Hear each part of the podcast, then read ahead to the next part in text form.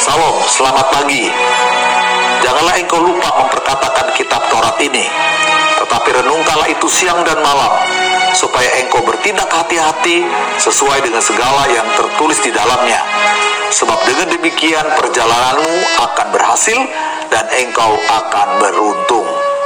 Selamat menikmati hari ini. Mari kita terus mendengarkan firman Tuhan. Shalom, Bapak Ibu yang dikasihi Tuhan, para pendengar setia renungan podcast, kiranya Tuhan memberikan kesehatan bagi kita semua. Firman Tuhan pada hari ini terambil dari kitab Roma 12 ayat yang ke-12. Bersukacitalah dalam pengharapan, sabarlah dalam kesesakan, dan bertekunlah dalam doa. Dengan tema Tribi, bersukacita, bersabar, bertekun. Tahun 1998, Indonesia mengalami krisis, khususnya krisis ekonomi, dan itu rasanya terulang saat ini. Semua harga kebutuhan pokok naik, sedangkan harga jual hasil perkebunan turun. Situasi yang sulit terkadang memaksa manusia untuk merasa tidak ada pengharapan dalam hidupnya. Dengan begitu, manusia kalah dengan situasi dan kondisi yang dihadapi. Tetapi, sebagai orang percaya, kita tidak boleh lemah. Kita harus menjadi pemenang di tengah situasi yang sulit saat ini. Bagaimana supaya bisa menjadi pemenang? Bersukacita, bersabar, bertekun. Tribi kita akan bisa menjadi pemenang. Yang pertama, bersukacita. Sukacita ditulis dalam kata joy, meskipun sukacita dalam bahasa Inggris juga dipakai kata happy. Surat Filipi terkenal sebagai surat sukacita karena Paulus banyak menulis dan menasihatkan jemaat di Filipi supaya mereka bersukacita akan tetapi perlu diketahui bahwa ketika Paulus menulis surat ini, dia ada dalam penjara. Filipi 1 ayat 13. Perbedaan joy dan happy. Happy tergantung situasi, kondisi.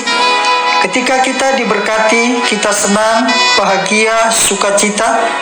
Tapi ketika tidak ada berkat, semua kesenangan hilang. Joy tidak tergantung pada situasi dan kondisi. Dalam kondisi apa pun tetap sukacita.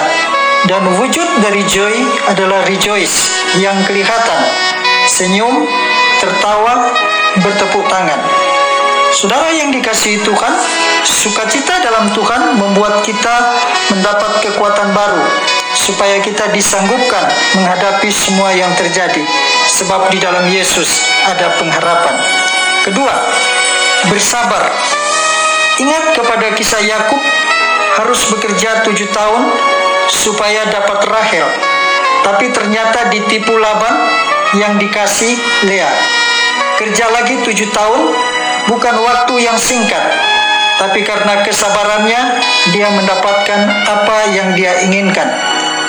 Kisah kehidupan Yusuf dibenci saudara-saudaranya, dibuang ke sumur, dijual, dikabarkan mati diterkam binatang buas, dimasukkan ke dalam tahanan, dibohongin, namun akhirnya jadi penguasa di Mesir.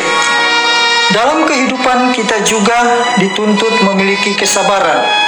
Anak-anak harus sabar menunggu sampai usia 17 tahun untuk dapat KTP dan SIM. Seorang pelajar harus sabar menunggu 3 tahun untuk dapat ijazah. Kesabaran bukan hanya berbicara tentang menunggu, tetapi lebih berfokus pada sikap kita menantikan janji Tuhan. Tuhan membuat segala sesuatu indah pada waktunya. Pengkhotbah 3 ayat 11. Saudara yang dikasihi Tuhan, bersabarlah karena Tuhan yang berjanji pasti digenapi. 3. Bertekun dalam doa. Kekuatan dari kehidupan kita adalah doa. Doa adalah di mana kita dapat berkomunikasi dengan Tuhan. Di dalam doa kita bisa bersyukur, memuji, menyembah, dan meminta. Tanpa doa, maka tidak ada kekuatan hidup. Elia adalah manusia biasa, sama seperti kita, dan ia telah bersungguh-sungguh berdoa supaya hujan jangan turun dan hujan pun tidak turun di bumi selama tiga tahun dan enam bulan. Yakobus 5 ayat 17 Doa harus dilandasi dengan iman. Tetaplah berdoa. 1 Tesalonika 5 ayat 17. Saudara yang dikasihi Tuhan, jadilah pemenang di tengah situasi yang sulit. Ingat Ribi, bersukacitalah dalam pengharapan, bersabarlah dalam kesesakan, dan bertekunlah dalam doa. Amin. Kiranya Tuhan memberkati kita semua.